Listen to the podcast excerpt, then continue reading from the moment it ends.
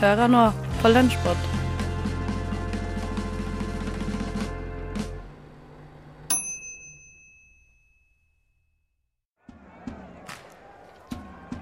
Sveits har tusenvis av dyre klokker, men hva gjør vel det når vi har brunost? Australia har Crocodile Dundee, men vi har Lasse og Geir. Irland de har St. Patrick's Day, en pingle av en helligdag sammenlignet med Olsok. Hva med Tyskland, da? To verdenskriger har de startet, men vi har senket Blücher. Island tror de er så spesielle. Men visste du at nordmannen Ingolf Arnarsson var den første som bosatte seg på Island? Nei, Norge er nok ganske bra.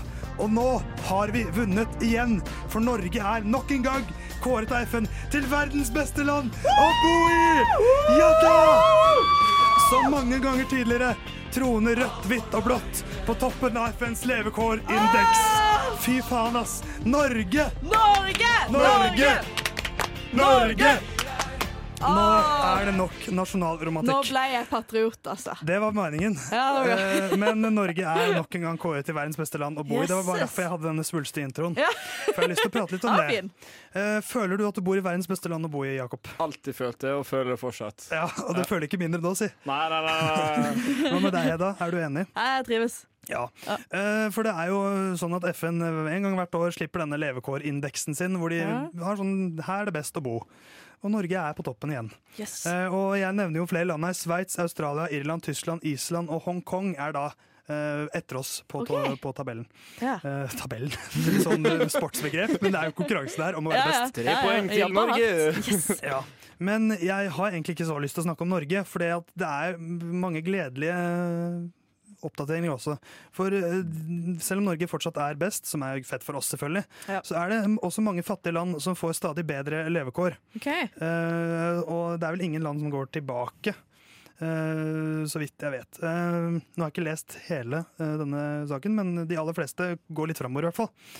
Nederst på lista, dessverre, land som er rammet av krig og konflikt. Niger er helt nederst. Eh, Sør-Sudan, Tsjad og Den sentral- sentralafrikanske republikk. Ja. Eh, så bare for å få litt mer edruelig tilnærming til det hele. Det er jo noen som ikke har det så bra fortsatt. Nei, det var, ja, nå, eh, det var litt sånn brå Rett opp og så rett ned igjen. Ja. Gira ikke opp bare for å rive oss ned. Men, men, men i, en, i en verden hvor det kommer stadig mer negative nyheter, og, eller vi er så eksponert for negative Ja. nyheter Mm. og, og alt det triste som skjer, så er det jo liksom en del positive ting som skjer. Og i 2010 så var det 49 land som var eh, kategorisert som det de kaller low human development, som er liksom nederst. Og nå, eller i fjor, så er det 38 land. Så det er Ja, 11 land gøy, som har kommet seg ut av denne eh, sumpa. Det er fint. Eh, Tyrkia, Den dominikanske republikk og Botswana er de landene som, eh, som hopper mest. Eh, så de er den som har hatt den mest positive utviklingen. Okay, Ja. Um, og Irland har også kommet seg bra framover. Siden 2012 så har de rykket Har Irland hatt det ja. Nei, men de var nummer 13, og nå er de nummer 4. Oi, oi, oi, for en Um, klatring av og Irland! De har gjort det aller største hoppet. Wow. Så bra jobba, Irland. Eh, og, men for å avslutte on a cold note Ja. eh, Syria har stupt 27 plasser. Ja. Og det skjønner man jo litt hvorfor. ja. Men ja. det blir bedre der òg. Ting blir bedre over tid. ja, så Av og til må man ta ett steg tilbake, så stormer man fram to steg. Så Heia Syria. Jeg har troa. Vi heier på deg. Frokost alle hverdager fra eh, sju til ni. Ja. Det er ikke helgene. Nei.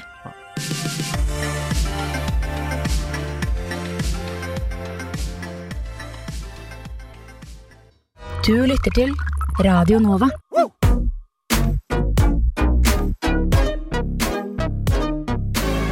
Radio Nova.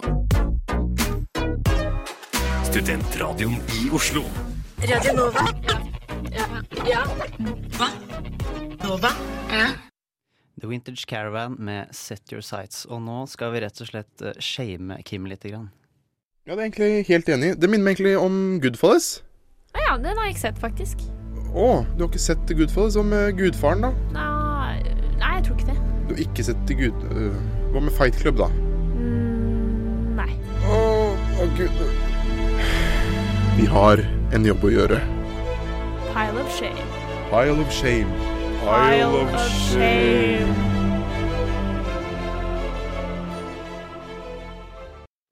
Pile of Shame er jo vår eh, sporadiske spalte hvor eh, når vi føler at et medlem i redaksjonen ikke har sett en film som i hvert fall en annen syns den burde ha sett.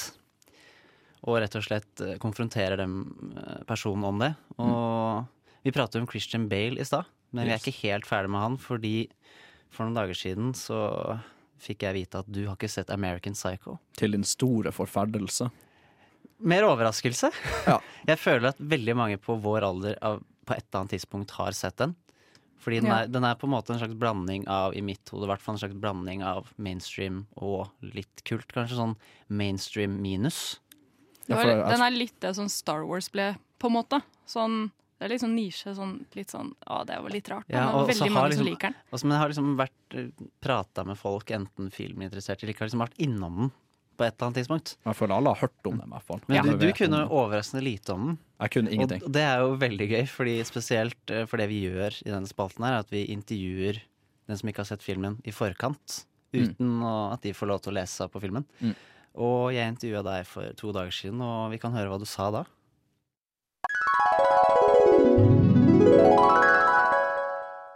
Jeg har faktisk ingen aning om hva jeg skal tro om den, for jeg har aldri lest noe plott om den. Jeg har egentlig ikke hatt noe interesse i å se den, for å være helt ærlig. Det eneste jeg vet, er de memesene som har vært på nettet. Den gamle, den oldtimer-memen hvor, han, eh, hvor, hvor han skal til å slå et eller annet med en økse, og bare ser helt sånn fanatisk ut mens han gjør det. Eh, og en annen hvor han smasher noe, jeg antar en dame, og så ser han på seg sjøl i speilet. Eh, og det er det.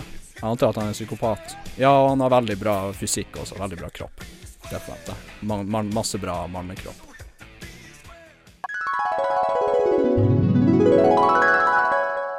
Øks og masse bra mannekropp. Masse bra Ble- mannekropp. ble- ble det det? uh, ja, det ble det. Både øksa og eh, bra mannekropper. Eller heller bra mannekropp entall, for det var egentlig hans mannekropp som ble uh, fokusert i den filmen der. Ja, for vanligvis så pleier vi å spørre om eh, hva forventningene dine var i forkant. Ja. Eh, men du visste ganske lite. Ja, nei, Så hva var det du egentlig Hva var det du trodde du gikk inn i, da? jeg, jeg føler tittelen liksom Uh, med den der memen med den øksa, og at den heter American Psycho, og at det er en fyr som ser på seg sjøl mens han har sex og sånn, uh, så tenkte jeg at det her er um, Jeg har forsøkt også, jeg også den, men jeg har sett sånne promobilder eller sånn hva skal jeg si, postere for den, hvor han bare liksom ser ut som han ler sånn helt fanatisk, og så har han bare ansiktet dekka av blod og sånn. Så jeg tenkte at det her, det var morderisk fyr. en fyr som springer rundt og er litt, eh, litt eh, Og det, det er det jo. det er det. Eh, jeg tok ikke feil på den. Det, definitivt, det handler definitivt om en fyr som er veldig glad i seg sjøl, og som er veldig glad i å springe rundt og ta livet av folk. Uh, ja, det er hovedpersonen til Patrick Bateman. Det er han som eh, spilles av Christian Bale, og han presenteres som vel en psykopat, men også sånn typisk sånn Wall Street-psykopat. Han er sånn ung, sånn yuppie, sånn midten av 20-årene, nyrik, Ja. New York eh, Du vet aldri hva disse e- egentlig jobber som, sånn rent, men de er på et kontor og adress. Han er vel litt sånn Nesten sånn en ekstrem stereotype på sånne, her, eh, sånne Wall Street-dudes, Mm. liksom. Sitter og spiser lunsj på flotte sted med kompisene sine og bare liksom lirer av seg sånn sjåvinistiske kommentarer og uh... Og disse her gutta som prøver så hardt å overgå hverandre. Ja. Bare på de minste tingene, som visitt, visittkortene sine, som skal være lagd av det dyreste, dyreste materialet. Det var så komisk, fordi den filmen uh, Han har en fortellerstemme, og jeg syns den fortellerstemmen var veldig spesiell, fordi den, den virker veldig sånn psykopatisk i den forstand at han, han høres veldig sånn likegyldig ut til alt. Han er ikke, du hører ikke noe særlig sånn følelser i st- fortellerstemmen, selv om han viser det i filmen. Du ser at liksom, karakteren hans han prøver å virke glad når han skal være glad. Han har liksom morsomme kommentarer når han skal ha morsomme kommentarer. Sur. Nå, nå har du bare nevnt alle symptomene på en psykopat. Ja. De har ikke følelser, men de er veldig flinke til å late som de har det. Ja, så jeg syns det var veldig accurate. Og da har du den ene scenen du nevnte, når eh, Sånn som de er gutta, ikke sant. De sitter der i dressene sine, de skal overgå hverandre, og så er det noe så enkelt som et visittkort. Hvor eh, han ene fyren kommer med visittkortet sitt og bare 'Gutta, hva syns dere om det her visittkortet?' Og så er det litt sånn slow-mo, hvor bare alle gutta bare ser det sånn foran. Og så ser du bare sånn klint jævla visittkort som er liksom med sånn utheva skrift. Og så, og så kommer det visittkortet når han tar det ut av jakkelomma, så kommer det i sånn saktefilm, og det er sånn luftlyd av, av hånda hans. Og du ser alle kompisene til Patrick Bateman og Christian Bale, de er litt bare sånn her, ja.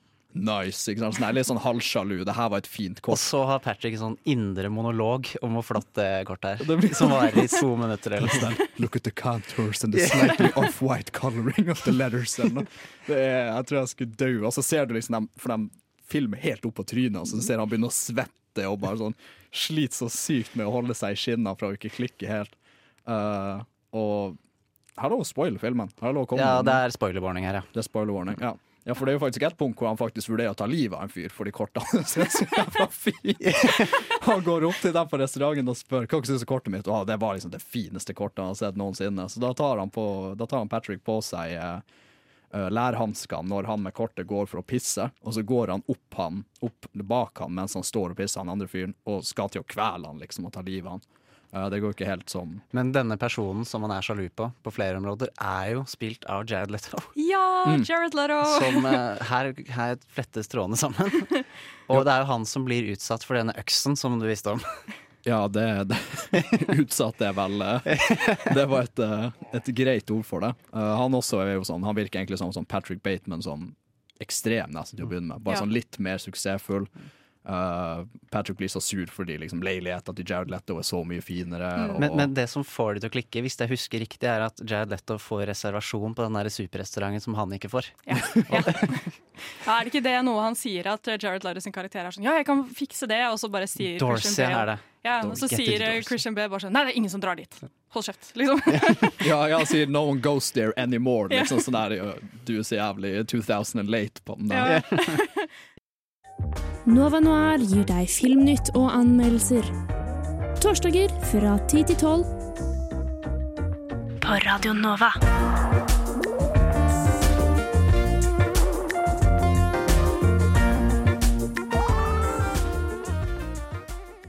Humor. Uh, humor. Hum, humor. Humor. Humor. Humor. Humor. Humor. Skallebank. Skallebank.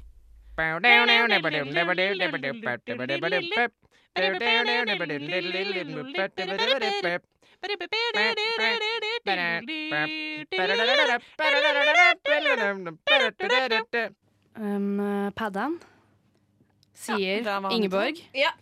Ja. Uh, hva er din eh, kleineste eh, puberty Hei!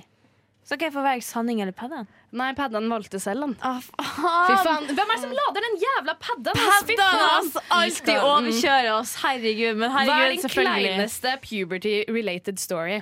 Spør Paddan. Jeg kom jo i puberteten i fjor, som dere vet, og da var jo vi veldig gode venner. Ikke sant? Vi har nettopp blitt med Skalvang klubbhus. Oh no. Og det, liksom Det var den gangen jeg hadde, hadde på seg den toppen liksom, som var litt sånn gjennomsiktig. Litt. Ja, litt. Mm. Og ja, jeg fikk boner når vi var i lag alle sammen, og jeg kunne liksom gjerne ikke det er den verste historien jeg vet. Det Fy faen, så kleint Det- er. det er. I just in my pants. Og Å, nei, nei, herregud. Ah, Men- Gutta kødda, gutta kødder, ikke sant? Gutta kødder, Eh. men eh, Men Vi har angst, da. Jeg så det på God kveld Norge. Hva da? Og, nei, eh, Angstgutta kødder. Og de, må, ja, og de satt der i sofaen, tre, tre gode gutter kødda, men de hadde angst, ass. De hadde angst. Og så var det liksom bare sånn, De måtte bare kødde. Altså, det var bare sånn altså, Men så var angst Fordi angsten var der. Det var Ja. sånn Mm. Det var skikkelig ekkelt å se på. For det var, det var liksom ikke ordentlig kødding. Det var bare Og så er det sånn, sånn. Og så måtte Dorte være sånn Får du panikkanfall? Nei, nei, nei, nei jeg, får, jeg får det ikke, altså. Det er, jeg bare sånn, jeg bare sånn, Noen ganger så bare sånn Ja, og han bare bada mer og mer, og til slutt så kommer, kom det inn sånn kriseteam og ambulansepersonell. Altså, jeg bare sånn, ikke, jeg, jeg, jeg, jeg trenger ikke legges inn, altså. Jeg Er trenger ikke her noen legge blør i seg inn. Men sånn, hele kroppen din har jo rykninger og spasmer. Er sånn, bare, bare, det, går fint, det går fint. Bare, bare, la- gi meg, liksom to sekunder til. Fordi jeg, vi, har, vi har ikke kødda ferdig, da. Altså, vi har liksom, det er mer tull på vei. Så, så bare sånn OK. Og Dorte bare Angst, gutta, kødder. Ikke mer. Men Ada, øh, neste padden. Nova. Radio Nova.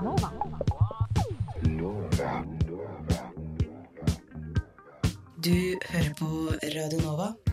DAB, nettspiller og mobil. Da var vi her. Hvor er skauen? Nei, der. Det er bare trær overalt. Håper at vi finner karanteller. Kan, kan, kan ah! Skogens gull. Men hva skal du inn i den sumpen her da? Nei, jeg veit ikke, men det er jo stien er jo der. Nei, det er sånn. Ja. Oi, sopp! Serr? Ja, sopp. Oi, se der, ja. ja. Ok. Oransje sopp. Eller sånn hudfarga, kanskje. Litt sånn som hvis jeg er tan på sommeren, da. Det så ikke så digg ut, eh, egentlig. Nei, og så er det litt dyr på den, og så har den veldig sånn flat, flatt hode. Den er ganske stor, da. Den er klissete oppå. Og klissete oppå. Og der er det svart sopp. Svart? Oi, der. Oi! Det var jo Er det fordi den er knalldau, eller er det Det ser nesten ut som det er Den er levende, altså. Det her er noe Oi, sånn de små hvite De var bitte små.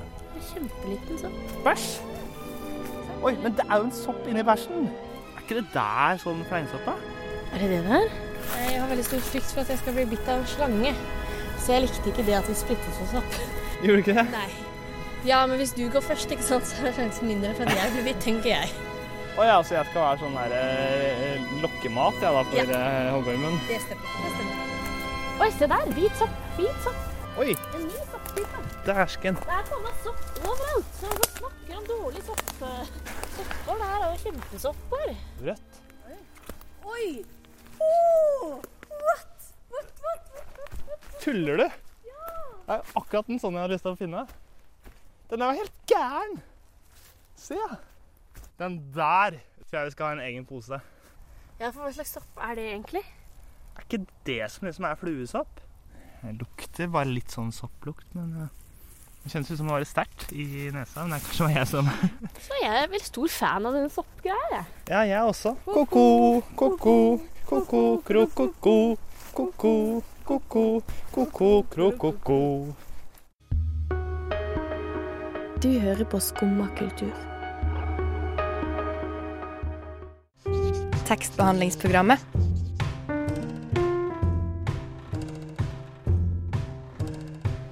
Tekstbehandling på radio.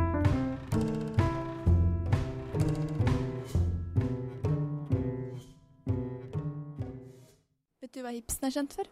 Han er kjent for å være forfatter, manusforfatter. Og eh, kanskje nest mest spilte manusforfatteren i verden etter Shakespeare, kanskje. Det er det jeg veit om Ibsen. Eh, nei, men jeg tror han hadde sånn langt hår.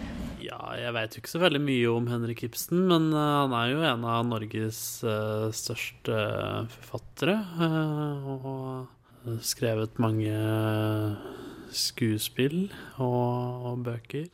Ehm, han har skrevet en del uh, skuespill og sånne ting. Ja. Jeg husker jeg leste på skolen og ja. Og Så er han vel broren til Camilla Collett. Eller var det kona? Jeg vet ikke. Han er fra Skien, da. Det er det man tenker på. Visste ikke jeg. Kommer du på noen stykker av Ibsen? Helt på toppen av huet, Per Gynt, et uh, dukkehjem, eh, gjengangere f.eks. Ja, det var tre på toppen. Et dukkehjem, eksempel. Eh, Det er vel, nei, Nora er kanskje i et dukkehjem, tror jeg. Det stopper eh, på farta. Et dukkehjem. Um, gjengangere eller noe. Og uh, Åh, hva heter den, da? Med en and. Ja. Er Ibsen fortsatt relevant? Vel, eh, vi hadde vel noe Ibsen på skolen, men, eh, men det er vel den derre Skam-referansen til Nora som gjør vel at det ligger nærmest i minnet, tror jeg. Det er jo det som kjennetegner en god del av, av Ibsen, er jo at det, det har holdt seg veldig godt da, gjennom, eh, gjennom tida. Og, og mye av eh, de stykker om hans eh, som han skrev den gangen, har eh, eh, vært gjenkjennbart og mulig å relatere seg til i, i dag. Du lytter til Noe som heter for, noe som heter for, noe som heter for. Radiotjenesten på DAB og Internett.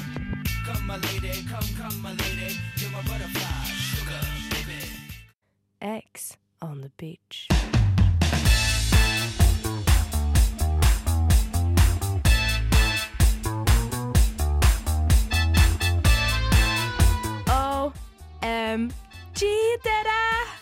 Hva da? Dere, Eh, Ja. dere, jeg tror det er eksen min. Å, herregud.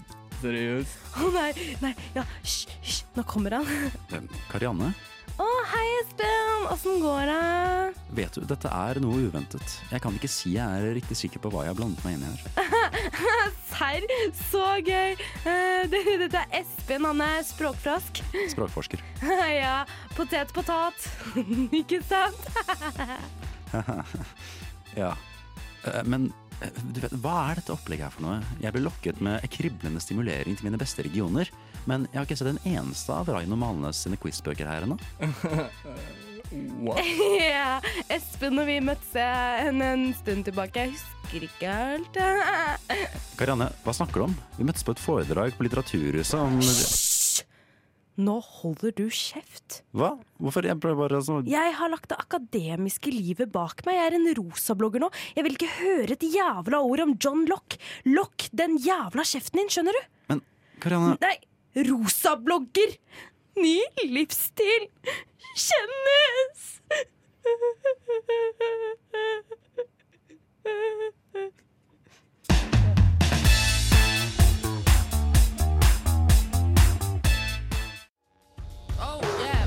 point feminism is not about being better than men.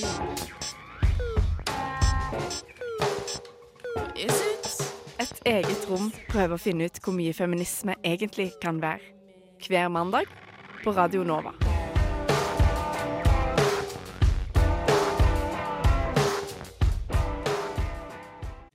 Det var Mallgirl med Slay Queen. Og apropos Slay Queen, nå har vi vært så heldige å få Nasish Khan, samfunnsdebattant og forfatter av boken 'Da himmelen falt retten til å velge hvem man skal gifte seg med', inn i studio. Velkommen til oss. Tusen takk. Eh, du har også tatt med deg døtrene dine. De sitter i rommet ved siden av. Det syns jeg er så gøy. Det er koselig, ass. Ja, De syns også det var kjempespennende å sitte der, faktisk. Vi satser på at vi har noen fremtidige radiojournalister der, altså. Det kan nok stemme. Um, ja. Du, Nasish, valgte å ta på deg hijaben på videregående, var det det? Det stemmer. Kan du fortelle litt om det? Ja. Um, det Egentlig så begynte det veldig i tenårene mine, når um, religion, altså islam, ble veldig plutselig satt i fokus. Og det var eh, nok etter 9-11. Altså jeg husker jo, jeg er kanskje fra den generasjonen, at jeg husker at merket en merkbar eh, forandring eller fokusering på islam og muslimer etter den hendelsen. Um, eh, plutselig så var det mye snakk om religion i timene, og mye diskusjoner, mye i media. Uh, og da husker jeg i, på tredje klasse i videregående så fikk vi inn en eh, norsk muslimsk kvinne, 25 år, uh, som da hadde begynt med hijab. Og på 90-tallet her i Norge, på starten av 90-tallet, det her var i 1994, eh, så var ikke det så vanlig med kvinner i hijab i Norge. Og jeg syns det var kjempetøft av henne å, å klare det, for å i det hele tatt å konvertere. Det er jo et stort steg, og møter, man møter mye motgang og vanskeligheter. Og at hun i tillegg til det valgte å være en så synlig muslim, det syns jeg var kjempetøft. Og eh, for første gang var det en kvinne som sto foran meg og forklarte hva kvinnens rettigheter i islam var, og det syns jeg var kjempefascinerende. Um, ja, og eh, jeg, jeg snakket med henne en gang i ettertid, og um, eh, ikke noe særlig mer enn det, men hun virkelig eh, inspirerte meg til å søke mer kunnskap om hva kvinnens rettigheter i islam er, for det var så mye fokus på kvinneundertrykkelse og litt sånne ting. Så det tok jo ikke veldig lang tid, da. Jeg var jo 18 år, litt sånn impulsivt, og um, ingen i familien min bar hijab. Uh, jeg bare tenkte en dag, jeg husker det var i januar, uh, jeg hadde akkurat fått førerkort og sånn, så tenkte jeg skulle overraske vennene mine med dette her òg, da. Så jeg dro på skolen, og jeg hadde snakket med læreren i forveien, da. Men han visste da, et par av mine nærmeste venninner visste at jeg skulle begynne, begynne med hijab. Eh, egentlig så var det bare på sånn trial basis jeg begynte. Det var ikke noe permanent, og jeg skulle egentlig bare sjokkere litt. litt sånne ting. Og, eh, men eh, ja, da var det veldig impulsivt. En mandag så startet jeg. Gikk bare, gikk, tok det veldig sånn klønete på meg. Visste ikke helt hvordan jeg skulle gjøre det. Og eh, fikk faktisk overraskende bra respons av medelever på Stovner videregående. Og lærerne også. Kjempestøttende. Eh, de som var veldig overrasket, var min egen familie. Fordi ingen i min familie bar hijab. Så min mor var jo snakket jo ikke med meg på en uke, det har jeg snakket om før. Hun bare 'hva er det du driver med?' Og søstrene mine de var sånn 'ja, du gjør som du vil, egentlig, men hva er det du driver med?' Og min far han så meg, og så ble han litt sånn, sånn så han på meg fra topp til tå. Og så bare OK, er det dette du vil? Er du sikker? Det, her kommer til å være veldig tøft i forhold til arbeidsliv, ellers også med venner, skole. Så sa jeg ja, men jeg vil prøve dette her. Og da var han, selv om motvillig, men han var støttende. Men min mor var veldig, veldig nervøs for meg, da. Hvordan skal dette her gå? Så jeg fikk en litt sånn røff start, men eh, som sagt kjempemassiv støtte blant mine egne venninner og skole og lærere og sånn. Um, jeg, er da, jeg startet når jeg var 18, og nå er jeg 43. Og eh, den dag i dag så syns jeg det er tøft å bære sjal, men det eh, jeg er en sånn kvinne at hvis jeg blir utfordret, eller hvis jeg føler at noen jobber imot meg og jeg ikke får gjøre sånn som jeg vil, så motiverer det bare meg bare mer, mer til å gjøre det jeg syns er riktig. Så ja. Så det var sånn det begynte. Men eh, ja, fordi siden da så har det jo blitt ganske mye mer vanlig å gå i hijab. Eh, og, men det har også blitt en kanskje litt uh, tøffere debatt, eh, vil noen si. Hvordan opplever du den endringen til i dag? Altså, som sagt, hele veien fra 18 til 43 nå, så har jeg opplevd at hijab kan være tøft. Altså, det er tøft å bære hijab. Så de som sier til meg um, altså, at å, hijab er undertrykkende Ja, hvis du blir påtvunget hijab, så er det, da er det undertrykkende. All tvang er undertrykkende. Så i dag, hvis noen skulle si til meg at jeg må ta av meg min hijab, så er det en form for undertrykkelse for min for mitt vedkommende, fordi at jeg ønsker å bære sjal. Men eh, for de kvinner som eh, selvstendig og på, med egen fri vilje ønsker å bære sjal, gjør det på ingen måte. Jeg syns det er sterke kvinner med ordentlig ben i nesa. For det er mye motgang, eh, i, i, ikke bare i storsamfunnet i Norge, men på verdensbasis akkurat nå. Føler du at du, eller har du eller noen du kjenner opplevd noe skremmende noen gang? På grunn av at dere går i sjal på gata? Altså, jeg har noen venninner som har opplevd noen ubeha opplevd litt sånn ubehageligheter. Jeg har opplevd å bli spyttet etter, uh, dyttet borti, men det har vært uh, det har vært i forbindelse med når det har forekommet i det siste sånne terrorhandlinger, og det har vært en anspenthet og en form for frykt i storsamfunnet, og så er det mennesker som da liker å utagere.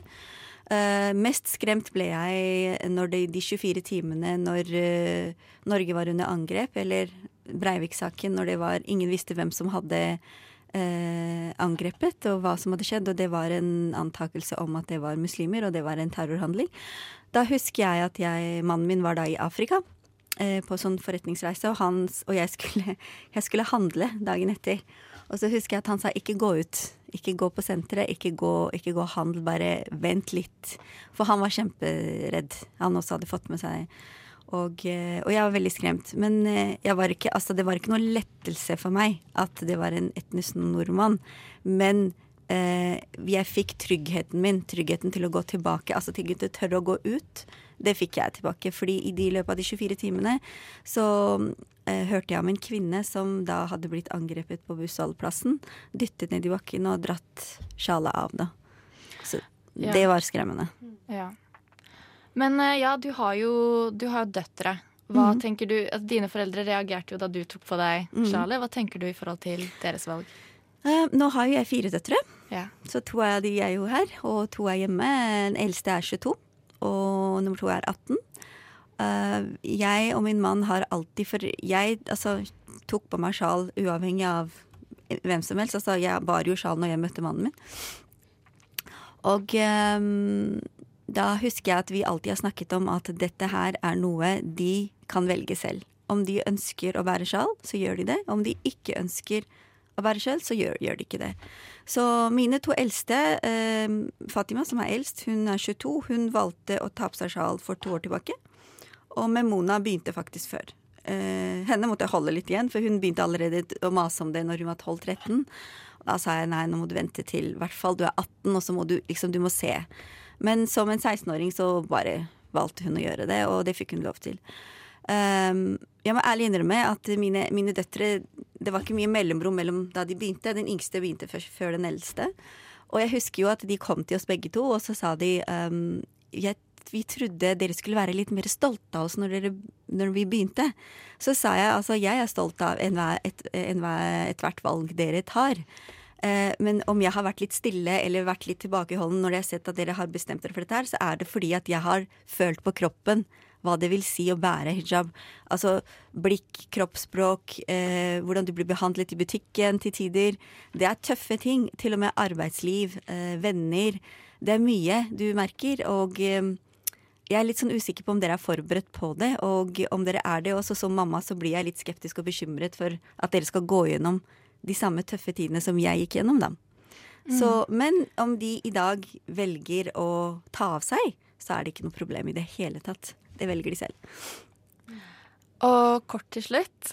Eh, det er jo en del feministisk eh, kritikk mot Mm. eh, hijaben, som at den er tilslørende og kjønnsaggregerende. Mm. Du, forstår du den som viktig? Altså, hva tenker du om den? Jeg tenker at ethvert menneske har rett til å ha sin egen mening. Jeg kan snakke om meg selv. Og jeg ser på ingen måte det som kvinneundertrykkende at jeg eh, bærer sjal. Jeg tenker at hvis det er respekt og åpenhet, og det skal det være også, det er ikke det at hvis, det er feil ord, men det skal være respekt og åpenhet for at enhver kvinne kan gå kledd som hun vil.